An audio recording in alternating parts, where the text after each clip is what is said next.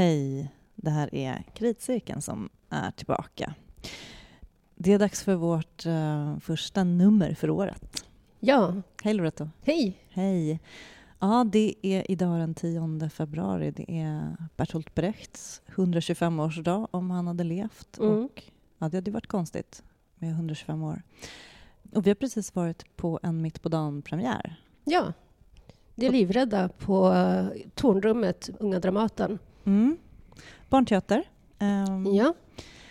Och det är en föreställning som har haft premiär eh, i höstas, va? Nej, 2021 med Riksteatern. Mm.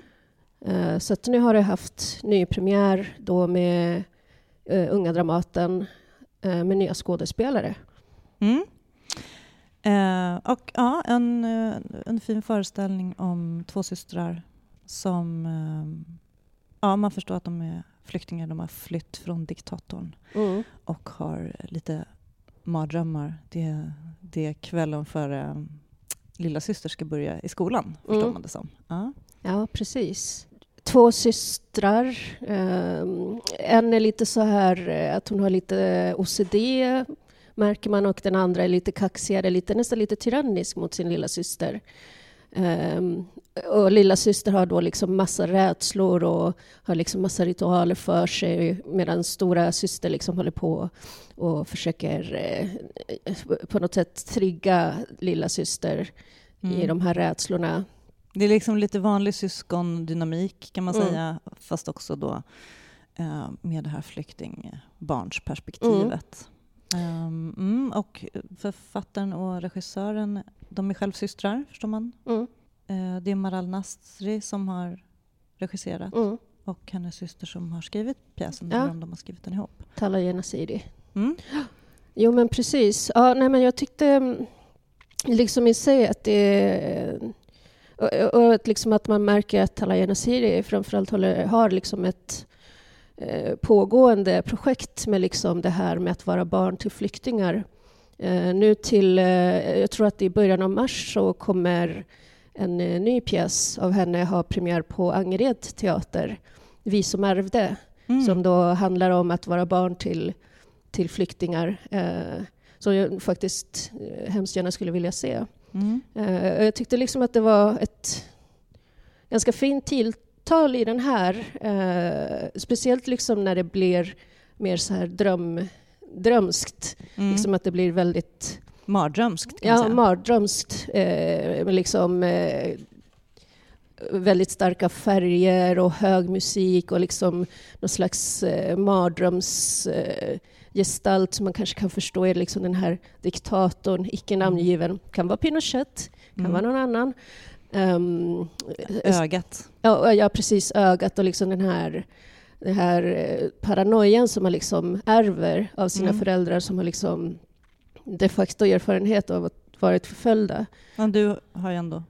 Ja, jag har ju liksom själv lite så minnen av hur det var liksom när jag var fyra år och var liksom barn till flyktingar och de här rädslorna och liksom eh, hela den här eh, jag har liksom minnen av att min eh, pappa som jobbade på pappersbruket i Hallstavik, han alltid klädde om sina... Han läste liksom massa så marxistisk litteratur som han då alltid hade med sig till jobbet på fabriken, men han liksom alltid klädde in dem i papper så att inte hans arbetskamrater skulle se vad det var, för böcker. För det var liksom någon så här, någon så här diffus rädsla för att någon eh, skulle ange, ange Ja. honom. Liksom så här. Och, och liksom den här angiverirädslan eh, på något sätt får man ju med sig, Mm. liksom även som barn.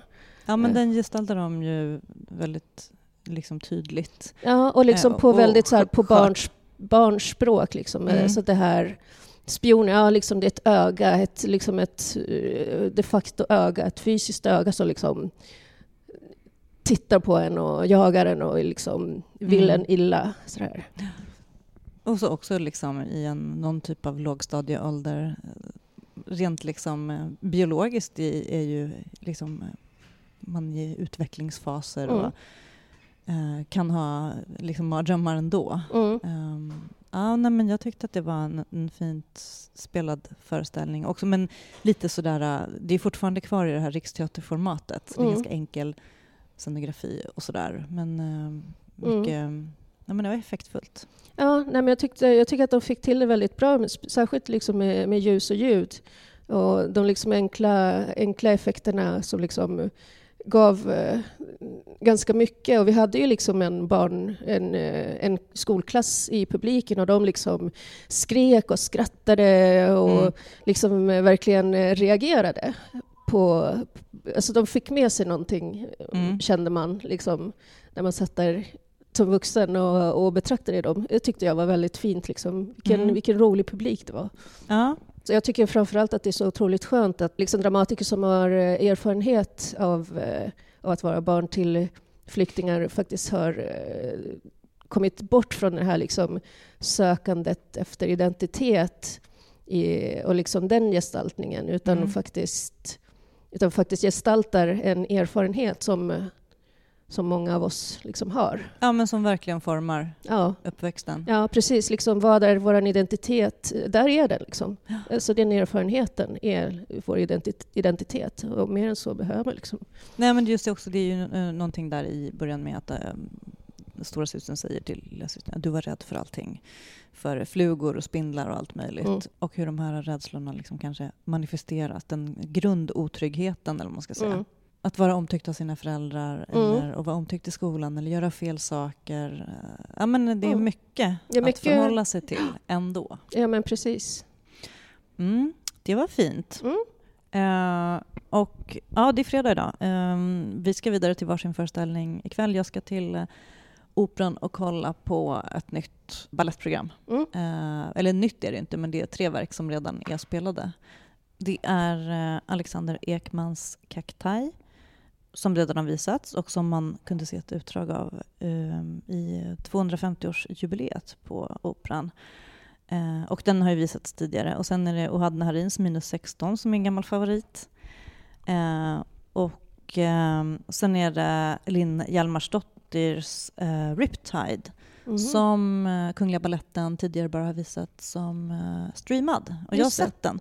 Så att, uh, det, ja, det, det, ska bli roligt. Det, mm. det är alltid roligt att se om verk och framförallt också att se ett verk som man har sett på skärm och mm. se det fysiskt. Så det ser jag fram emot. Ja. Um, nu känner jag lite så FOMO. Minus 16 är ju en av de, alltså den är ju helt mm. otroligt medryckande och fantastiskt det är den här verk. fantastiska stol, ja. stolscenen. Ja, ja, men precis. Uh, ja, jag har sett den faktiskt flera gånger mm. uh, och man blir så himla glad. Mm. Uh, ja, det är så, så otroligt, liksom, apropå liksom hela den här diskussionen som vi hade i förra avsnittet om uh, det rituella, alltså, ja, liksom, gud, ja. alltså den, den sången som liksom, ja, byggs på... Den här Traktor, vad de heter, gruppen. Ja. Alltså jag, kan, jag, jag lyssnar ibland på den låten. Ja, ja, ja. Nej, men alltså bara... Det är en sån där låt som man kan ha på hjärnan ibland bara. Liksom. Ja. Så där, även om man inte ens kan hebreiska. nej, nej. nej. Uh, ja, nej men så, så jag känner att jag har I'm in for treat. Ja. Uh, och jag ska inte skriva om den, men jag ska, jag ska lyxtitta och mm. gå dit för att få lite um, ja, men, uh, bra jävla dans faktiskt. Jag hoppas att de är på topp ikväll. Mm. Det här är ju tre intressanta koreografer och det är roligt när de sätter ihop program på det här mm. sättet och stoppar in en ny i mitten. Mm. Eller så. Yep. Ja, jag ska faktiskt också lyx eh, titta på teater. Jag ska se mm. Maktens diskreta charm på eh, Dramaten igen. Eh, pjäs eh, av eh, Ahmed El Attar. Eh, som handlar, ja, det är väl liksom också lite grann eh, fortsätter temat liksom med kulturkrockar och och andra typer av erfarenheter som man kan ha när man kommer till ett nytt land. Mm. Ja. Ja, så det är vad, vad som komma skall för oss. Uh, men vi har, varit, vi har hunnit gå på en hel del uh, föreställningar ja. sen uh, förra avsnittet. Uh, vi har varit i Uppsala ja. och sett Julius Caesar. Ja, precis. bearbetning och regi av Jonas Österberg Nilsson. Mm. Um, ja, efter Shakespeare. Då. Ja, precis. Ett koncept som man, man, nästan började skratta för att man känner igen det och mm. har sett det flera gånger nu med det här med videokameror på scenen, närbilder, handkameror och eh, framförallt eh, det här stora bygget av Mm. scenografiska rummen. Mm. Ehm, och ja, nej, men vi har ju liksom Stefan Larsson eh, i Linjelusta till exempel som redan i sin tur har kopierat det och andra tyskar. Mm. Kate Michel, eh, vi har, vi har pratat om Mm. Lenin-föreställningen, eh, Milo Raus. Mm.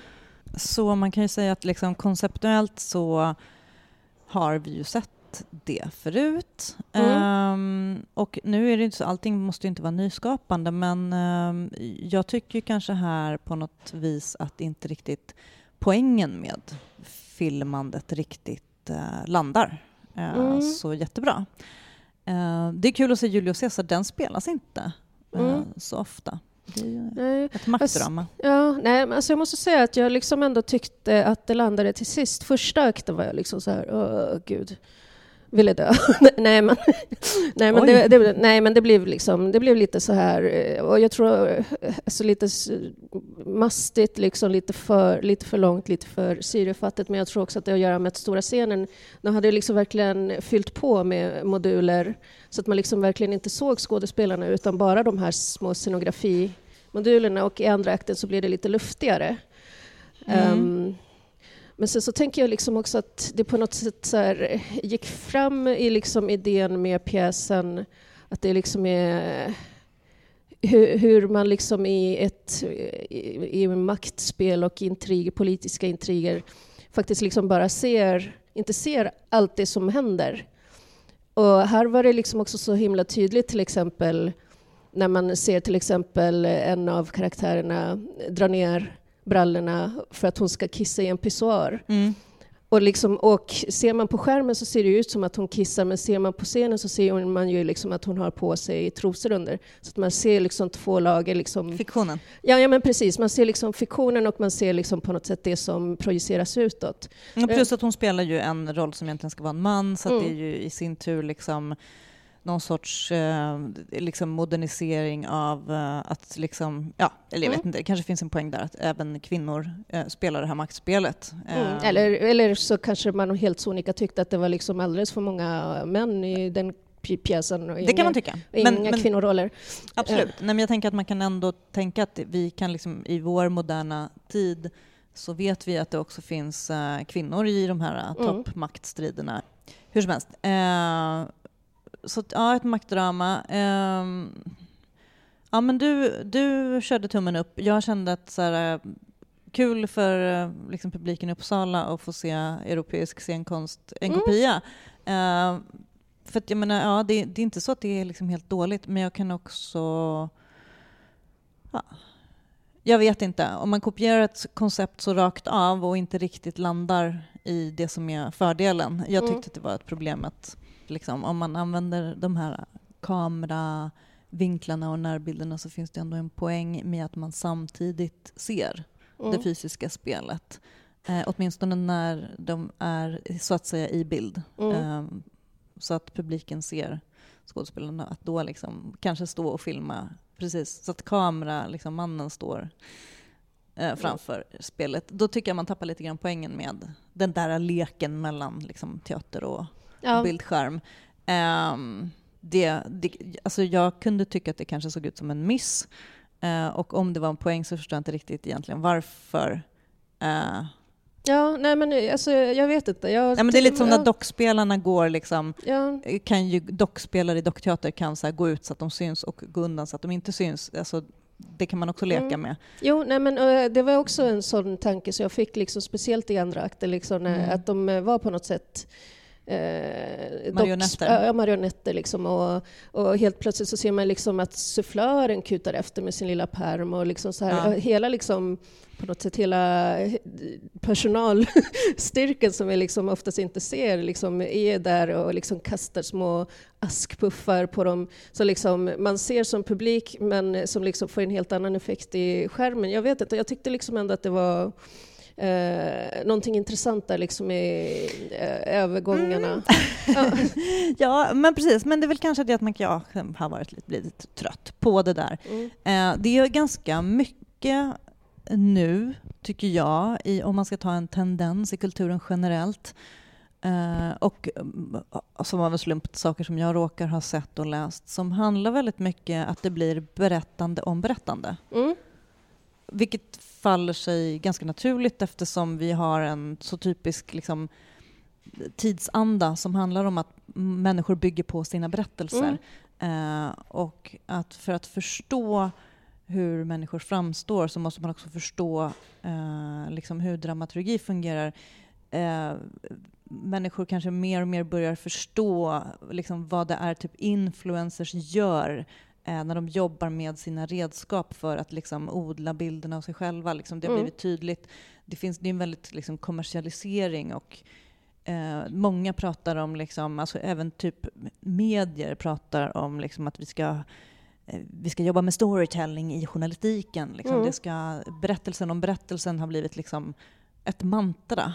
Jo, Eh, nej, men och berättelsen eh, har ju också, alltså det är liksom eh, inte har ett eget värde utan det har liksom, det har kommodifierats. Ja, för sen har vi Mm. content. Liksom. Ja, ja, men, ja men precis. Eh, och att saker och ting är content. Liksom. Det är så här, en- lite sorgligt att man ibland börjar känna så att gud, ingenting betyder någonting längre. Mm. För att liksom, det är bara så här ett ständigt pågående liksom, publicerande. Mm. Eh, och liksom, eh, ja, men politik är teater, är, liksom, är storytelling. Ja. Är liksom, Ja, men det är väl kanske liksom eh, på något sätt eh, det liksom ett ganska naturligt led i, i hela den här diskussionen som varit liksom postmodernismen, att allt är text. mm. Och nu är liksom inte allting bara text, utan allting är berättelse, början, mitten, slut, liksom förpackat. Det här kommer vi prata mer om alldeles Mm. Oh, ja. strax. Åh gud ja. Ja, ehm, men jag tänker också att det finns en, alltså de som eh, har makten över orden och publiceringen, jag menar det är liksom bara, vi kan dra det hur långt som helst. Ehm, Elon Musk köper Twitter för att Mm. liksom ta eh, produktionsmedlen, höll jag på att säga, Mm. över berättandet. Alltså ta makten över, över det som skulle vara eh, det demokratiska plattformen där alla kunde få prata.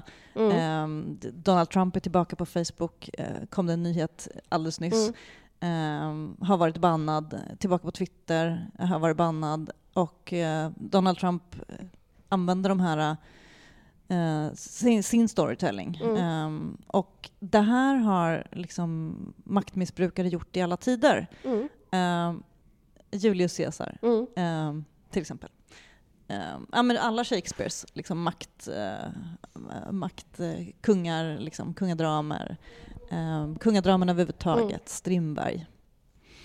Ehm, vi pratade om, för ett tag sedan, um, nyuppsättningen av Strindbergs Gustav Vasa som Mm. Therese Brunander gjorde på Strindbergs Intima.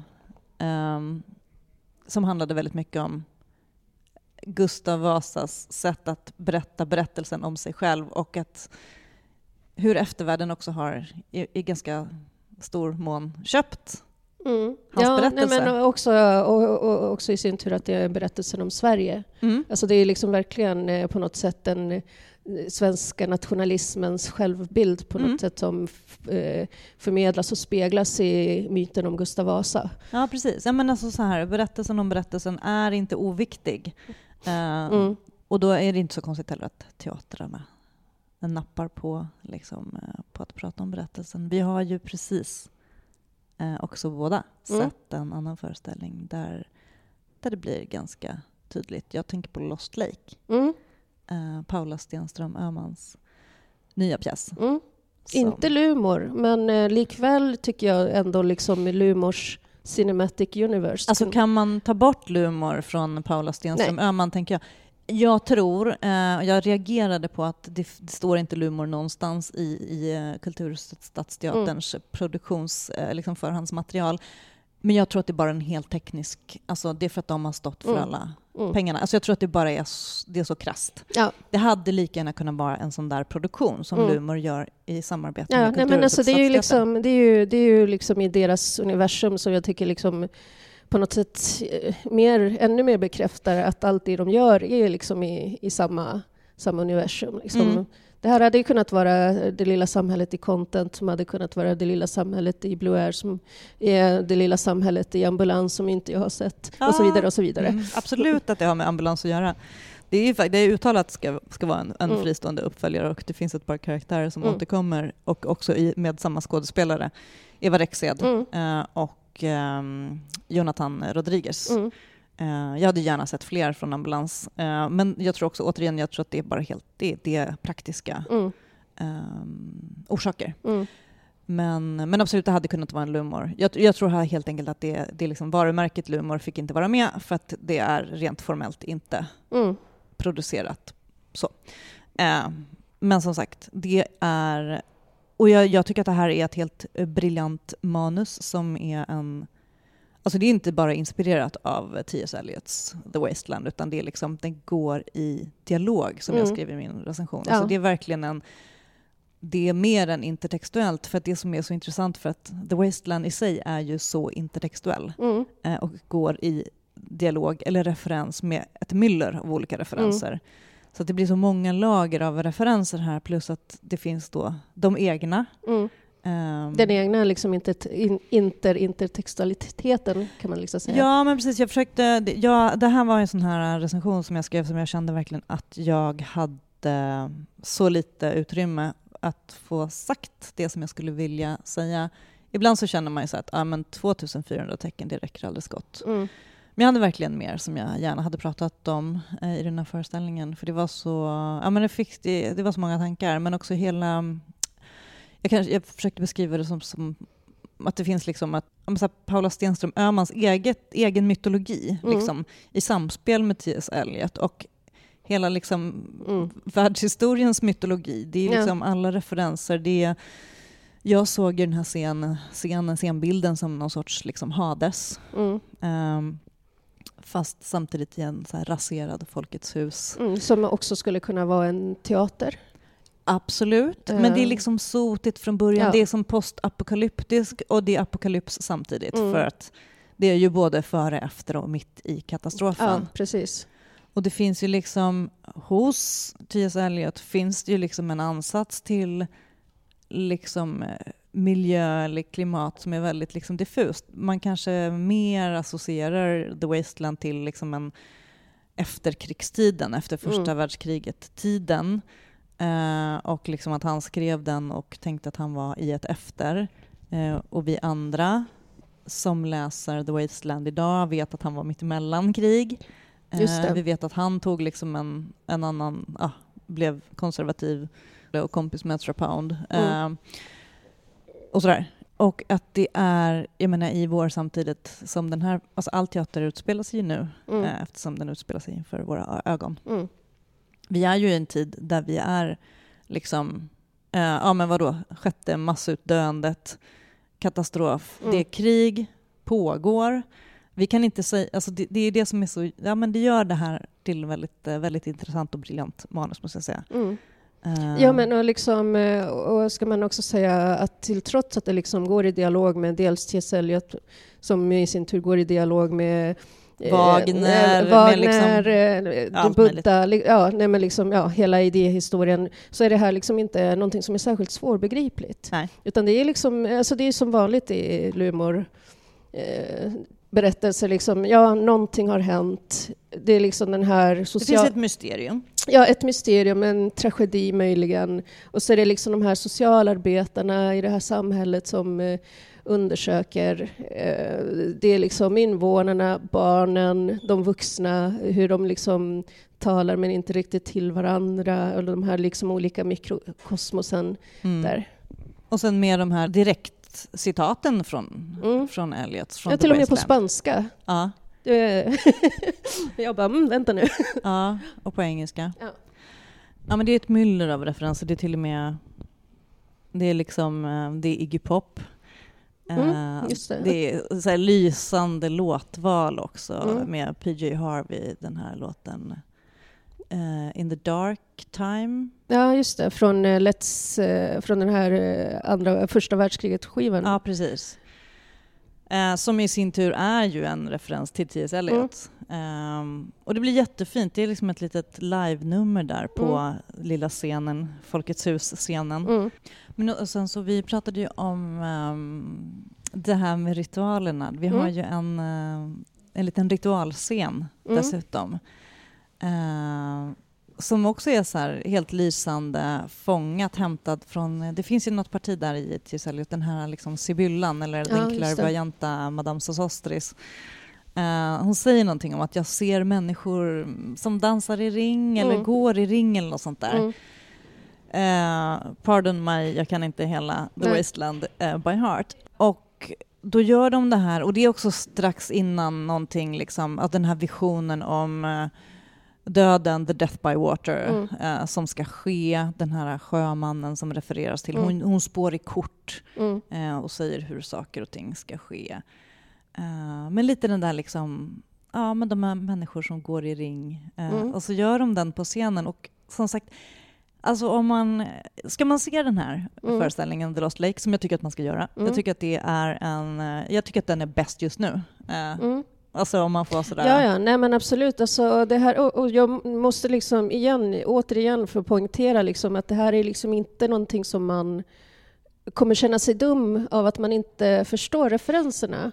Jag kan inte T.S. Eliots The Wasteland utan Nej, nej, vem fan kan det? Alltså, Nej, den är ju svår, men- den är ju inte så liksom, men, men man, man känner ju, många känner igen Ja, många rader. Man ja. det finns vissa sådana där. Jo, men precis. Men det är, liksom, det är ju framförallt så otroligt välspelad teater. Alltså, Ja, ja, ja, fan, det är- eh, det är ju liksom eh, den här lilla ensemblen som liksom igen, som i eh, Lumor-tradition, liksom iklär sig alla möjliga roller och har liksom otroligt brett eh, register. Så Jonathan Rodriguez, ja, han alltså, är, ja. alltså han... Bupp Monica. Ja, men Bupp-Monica är ju typ det mest virtuosa jag har sett, liksom rent alltså röstmässigt. Alltså, Alltså han- det, han är så fin. ja. Och hon är ju då en favorit i repris som jag skrev från, Ja. från eh, Ambulans. Jo, men precis. Och på premiären så var det ju verkligen så här, ja men det var ju en premiärpublik. Mm. Och, och det blev liksom så här, ja men ett litet sånt där spontan eh, jubelkänsla Mm. av att så här, nu, för att för att de liksom anticiperar ju, liksom Mm. för så, ja, att kanske vi ska ta hit Bupp Monica eller Mm. någonting, de säger någonting. Mm. Så man vet att de kommer att komma. Eh, och det tycker jag också så dramaturgiskt är väldigt fint. Mm. Och så att det blir en liten sån där...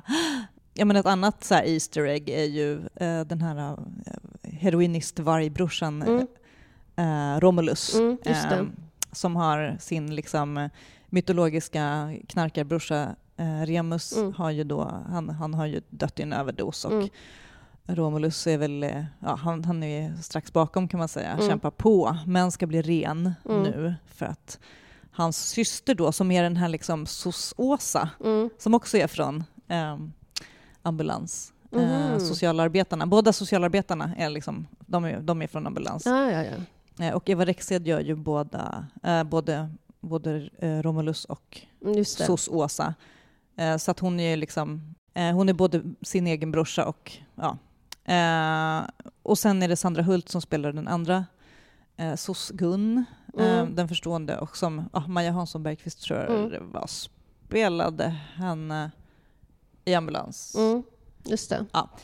Men hon är ju inte med här. Men ehm, det hade hon gärna fått vara. Men Sandra Hult är ju en, också en gammal lumor. Mm. Liksom, skådespelare. precis. och hon spelar ju också mamman till den försvunna Sailor. Mm. Hon spelar Eh. också den väldigt lojala vännen Silja. Just det. Och Mm. alla deras Mm. namn är ju så fina. Mm. Alltså bara där finns Mm. det liksom referenser. Eh, alla namnen har ju liksom, betyder någonting kan man Mm. säga så här. Jag menar, mamman heter Blenda eh, Mm. och hon är också så här, någonting med, det är liksom det här med ljuset, hon tänder ljus. Eh, det kanske är hon som tuttar på Folkets hus, vem vet. Eh, och hon är också, hon är också clairvoyant, eller vad man ska säga, Mm. för att hon har drömt det här, säger hon. Så att Mm. hon spelar ju, kan man säga, Madame Sosostris Mm. eh, lite grann i den här eh, berättelsen om berättelsen som har med T.S. Eliot att göra. Mm. Och eh, Meron Magnusson, dokumentärfilmen, han som är på jakt efter en story. Mm. Eh, Meron betyder berg på Mhm. typ hebreiska. Ah, ja, och det han upprepar hela tiden det är att han ska lägga örat mot berget Ja. för att få fram eh, historien om liksom, det här lilla samhället. Och berget finns ju med hos Eliot. Det är liksom, I skuggan av det röda berget är något Ja. uttrycks. Eh, och eh, det här med liksom, eh, det poetiska liksom, eh, bildspråket kring berget och vattnet. Vattnet är försvunnet, utan berg inget vatten, någonting, någonting. Som också är så här typ, alltså tidlöst, historiskt, eh, religiöst. Eh, filosofiskt, Mm. var det nu kommer ifrån, går via Elliot, går hit och här är det ju en liten, det lilla samhället som ligger vid foten av ett berg, i Mm. skuggan av det röda berget. Mm. Ja, men precis. och Men sjön också- är försvunnen. Ja, och sjön är försvunnen och man kan liksom ana att det, det är liksom uh, någonting med det moderna samhällets utbyggnad. Liksom att sjön försvann när man skulle vattna odlingarna, liksom befolkning, alltså det bemäktigandet över naturen och så, alltså sådana teman. Ja, och existensen. Ehm, alltså vattenbrist. mm.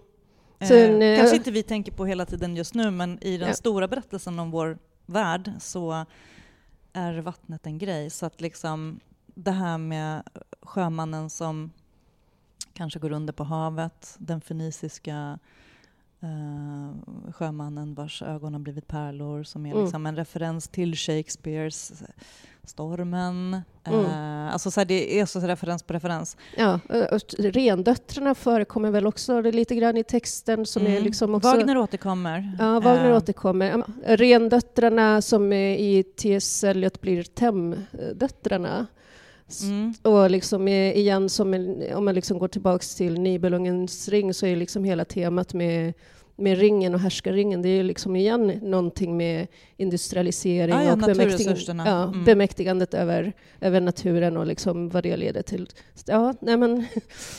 så att, ja, ja, nej. Nej, men som sagt, ja, man ska se den här Ja, den. äh, uppsättningen och eh, jag skulle säga så här, äh, ta en stund och läs äh, The Wasteland innan. Mm. Läs den eh, svenska översättningen av Karin Boye, den finns på nätet. Mm. Och läs den på engelska, den finns länkad på Wikipedia Ja. med För noter. man, man kommer liksom höra, det klingar till, Mm. eh, it's time typ. Mm. Och är, man, vi. eh, och är man liksom eh, riktigt så här nördig, som man kan vara ibland, så kommer man ju på riktigt trilla ner i ett riktigt kaninhål av Ja. referenser och, och liksom, eh, ja, idéhistoria och sådär. Kaninhål som du skriver i din recension. Ja, ja, ja. ja, men de, jag tror de nämner kaninhål i föreställningen också. Ja, jo, men det är Ja. någonting kaninhål. Jag jag tror att de gör det i den här, är det i den här självhjälpsgruppen? Mm, det är ju precis, det finns en, eh, det finns ett, en medberoende grupp som man Ja. möter. För att det är ju alltid någon missbrukare med i Ja. Lumors Ja. värld också. Ja, någon, är, Eh, någon är missbrukare, någon är deprimerad, någon kanske är lite suicid. Någon- Precis. Eh, och sen så har vi kidsen som försöker hitta meningen med livet eh, via lustgas. typ. Mm. Och har fest.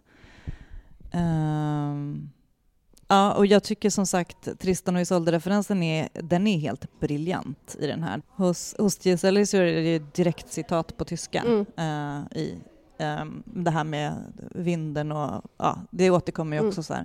Vad är det vinden för bort eller för med sig? Eller vad hör Mm. vi? Vinden under ja, dörren. Men eh, de här två, de här liksom, eh, ungdomarna som har fest och sen så har någon har blivit kär i fel person efter att de har liksom, man ser hur de håller på med de här Mm. lustglasflaskorna och Mm. sen så tänker jag att det är den här eh, kärleksdrycks liksom, Mm, motivet och sen är det sjömannen.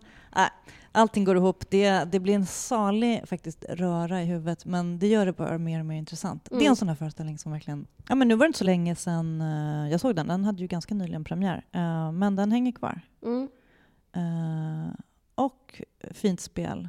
Mm. Eh, mystisk rök på scenen och en liten kanal tvärs över scenen som är liksom både floden Styx, den lokala kanalen, skräpdiket och liksom Themsen hos Mm. Elliot och um, någonting, någonting. Mm. Until I finish my song. Någonting över the flow. Ja, Mm. Det flödet liksom. Mm. Det är Apropå, poesi. ja, nej men apropå, tänkte inte du på, alltså, är inte det här egentligen någonting som skulle ha haft premiär förra året? Jo. Hundra år efter. Det var ju det var jubileum i höstas. Ja. Det är en väldigt kvalificerad gissning. För Ja, de, för att de säger ju det också någonstans, gör de inte? Hundra år efter Mm. katastrofen, någonting. Eh, Precis. Och eh, dikten skrevs då 1922. Ja, precis. Eh, Det var då den ja, publicerades första gången, oktober tror jag. Mm. Eh, Så det har varit ett stort Mm. T.S. Eliot-jubileum. Och när Ambulans skulle ha premiär, eller hade premiär, så hade det väl varit ett Dante-jubileum. Mm. Och det är ju lite Dante såklart i den här också. Det var lite T.S. Eliot även, det var lite The Wasteland även i Mm. Ambulans. Ja, men de går ju också i, alltså, Oh ja. ja, i dialog med varandra. Mm. Ehm, så ja, nej men den, eh, den ska man se. Eh, jag tror faktiskt att jag ska se om den. Mm. Mm. Yes. Och det, jag tyckte att det var väldigt roligt att de har en, en eh, de har ju inte bara en medberoende grupp eh, vid det här Folkets hus utan de har ju också en eh, Storytell-grupp. Alltså storytelling, men de kallar det för Storytell, vilket Mm. jag tyckte var roligt. Men jag skrev inte ut det, eh, för Mm. jag tänker att det är ett varumärke, men det var säkert en poäng med det. Ja, ja. Nej, men eh, ljudboks, eh, jag vet inte. ja, nej, men alltså apropå kommodifiering av berättelsen, eh, storyte- alltså det är liksom inte en, en eh, skrivkurs, Nej. men det är ändå skrivna texter de håller på med. Mm, de ska Ja. skriva om ensamhet, Ja, men de ska göra det på rätt sätt, ja med en början, mitt och slut. precis. Och det är intressant, för det blir ju också tematiskt övergripande och eh, existentiellt filosofiskt. Finns det Mm. ett slut på ensamhet? Ja, fi- finns, det, ja, finns det ett slut på liksom den egna pågående eh, berättelsen? Mm. Alltså, ja, när man dör, men då kan man ju inte berätta längre. Precis, och frågan är, fanns det ett slut på den här berättelsen? Mm. Eller började det om? Mm. Den Mm. är, Nej men det tyckte jag var, det var roligt. För det är som sagt, ehm, man måste se det som en, en ganska ordentlig eh, blinkning. mm. För Sandra Hult säger ju den rollen. Liksom. Är det så här, är vi i början eller i mitten eller efter katastrofen? Mm. Eh, och vi, eh, ja, vår existens, finns det början, mitt och slut? Mm. Vi är mitt i skiten. Ja, precis. Vadar i grumset. Ja, vad är det grumset? Ehm, så den kan man se. Eh, vi har sett mer saker. Vi har också varit på Riksteatern ett par gånger. Ja, just det. Mm. Vi var ju såg Nassim. Ja, Eh, Suleimanpour. ja, Nassim Solimanpour. Mm. Eh, Han heter så, ja, dramatikern, och pjäsen heter Nassim. Precis. För det är hans självbiografi kan man säga. Ja, handlar, handlar om eh, honom och hur han vill eh, Nå ut. Ja, han vill, ja, eller han vill skriva en pjäs som hans mamma kan förstå för att han har översatt till alla språk förutom farsi som är hans modersmål. Mm. Och eh, detta gör han då genom att eh, låta olika skådespelare, en ny för varje föreställning, precis som i Vit kanin, röd kanin, Mm, som är hans som också har satts upp av eh, med Riksteatern, Mm. för mig. Ehm, nu såg vi ju den med Eva Röse. Mm. Som, vi eh, såg premiären. Ja, precis. Eh, men det här är ju... eh, Precis, det här är ju också en berättelse om berättande, kan man säga. ja, jo, men Det är allra, det som är grejen, Ja. hur man berättar sin berättelse. Eh, och ehm, det här konceptet är ju precis som ja, Mm. att, att skådespelarna är inte förberedda. De Mm. får manuset när de kommer dit. Mm. På scenen. Liksom. På scenen. De, de öppnar kuvertet med manuset där. Mm. Och, och så, så är det liksom en eh, slags interaktion mellan eh, skådespelaren och dramatikern via texten. Eh, Och han står ju då också för regikonceptet. Mm. Hela, alltså det här är ett koncept som mm. man kan säga en typ av franchise. eh, ja, som, ja, men precis. som, eh, som teatrarna då som vill sätta upp den här måste genomföra på det här viset. Mm. Eh, Så det är ju, eh, som i all teater så är ju formen innehållet och Mm. innehållet formen. Mm. Men texten är ju väldigt, eh, den är ju väldigt viktig. Mm. Ehm, och ehm, Ja, den är ju eh, egentligen allt kanske. ja, eftersom den här skådespelaren kan ju inte göra något annat än att vara sig själv. Mm. Eh, kan inte förbereda någon rolltolkning Mm. direkt. Men, eh, så det är en typ av improvisationsteater fast med, eh, Med text. fasta regler. Ja, Ja, med text. precis. Ja, Mm. jag får med att i Vit kanin och Röd kanin så fick eh, skådespelaren en instruktion och det var att de skulle förbereda en strutsimitation. Okej. Mm. Eh, så ja, det var liksom förhållningsregeln de fick och sen så får de kuvertet på scen. Mm. Här tror jag inte... Jag tror Det jag- framgick inte som att de hade så mycket... Nej, De hade en mobiltelefon med sig. just det, en mobiltelefon med bilder. Bilder som skulle visas. Det var riggat på något sätt. Det, Ja. var, det var ganska mycket som var riggat, tror Mm. jag. Eh, och, men det här är ju en sån föreställning som man inte riktigt får spoila, men den var fin och ehm, ja, men den handlade ju mycket om hans relation till hans mamma. Mm, Som, då, som vi fick ta del av liksom genom Eva Röse. mm, och Ja. genom henne och hur hon också hur hon blir berörd Ja. av det här. Ja, det, Ja. det är fint. Ja, nej men jag blev ju jätteberörd. Alltså jag blev ju liksom... började ju fulgrina liksom eh, för det- här liksom pratet om eh, om eh, att förlora ett, sitt språk. För att eh, Nassim Soleimanpour lever i någon slags exil i Berlin nu sedan Mm. väldigt många år tillbaka. Och med tanke, speciellt i synnerhet med tanke på läget är nu, så har han ju liksom ja, förmodligen väldigt begränsade möjligheter att åka tillbaka och till exempel träffa sin mamma. Mm. Men också liksom hur exilen eh, och, och förlusten av modersmålet, liksom, vad det gör med känslolivet och inte kunna prata och kommunicera sina känslor på sitt språk. Jag har ju liksom det omvända problemet. Det är ju liksom att på något sätt att mitt modersmål har gått mig så förlorat att mitt första språk är svenskan. Så att då har Mm. jag liksom inte den, eh, den vägen att kommunicera med min mamma till exempel. Så att jag blev liksom väldigt berörd av hela liksom det här den här diskussionen om, om språk och hur man liksom, och vad det gör med ens relationer och, och med känslor och liksom hela, hela eh, ens plats i existensen. Liksom Mm. hur, hur man förnimmer sin, eh, sin värld, sin omvärld via språket. Precis. Ja, och för en svensk skådespelare eh, många på den här turnén är väl ändå svenskfödda, tror jag. Mm. Ehm, för det är en ny skådespelare för Mm. varje turnéstopp på Riksteatern. Eh, och man får inte spoila för mycket i den här, men det, det finns ju en klod där att, att den här svenska skådespelaren ska på något sätt lyckas eh, läsa det här manuset på hans språk. Mm. Eh, eller får en liten språkkurs. Så Mm. kan man. Så Mm. mycket tror jag att man kan få Mm. spoila.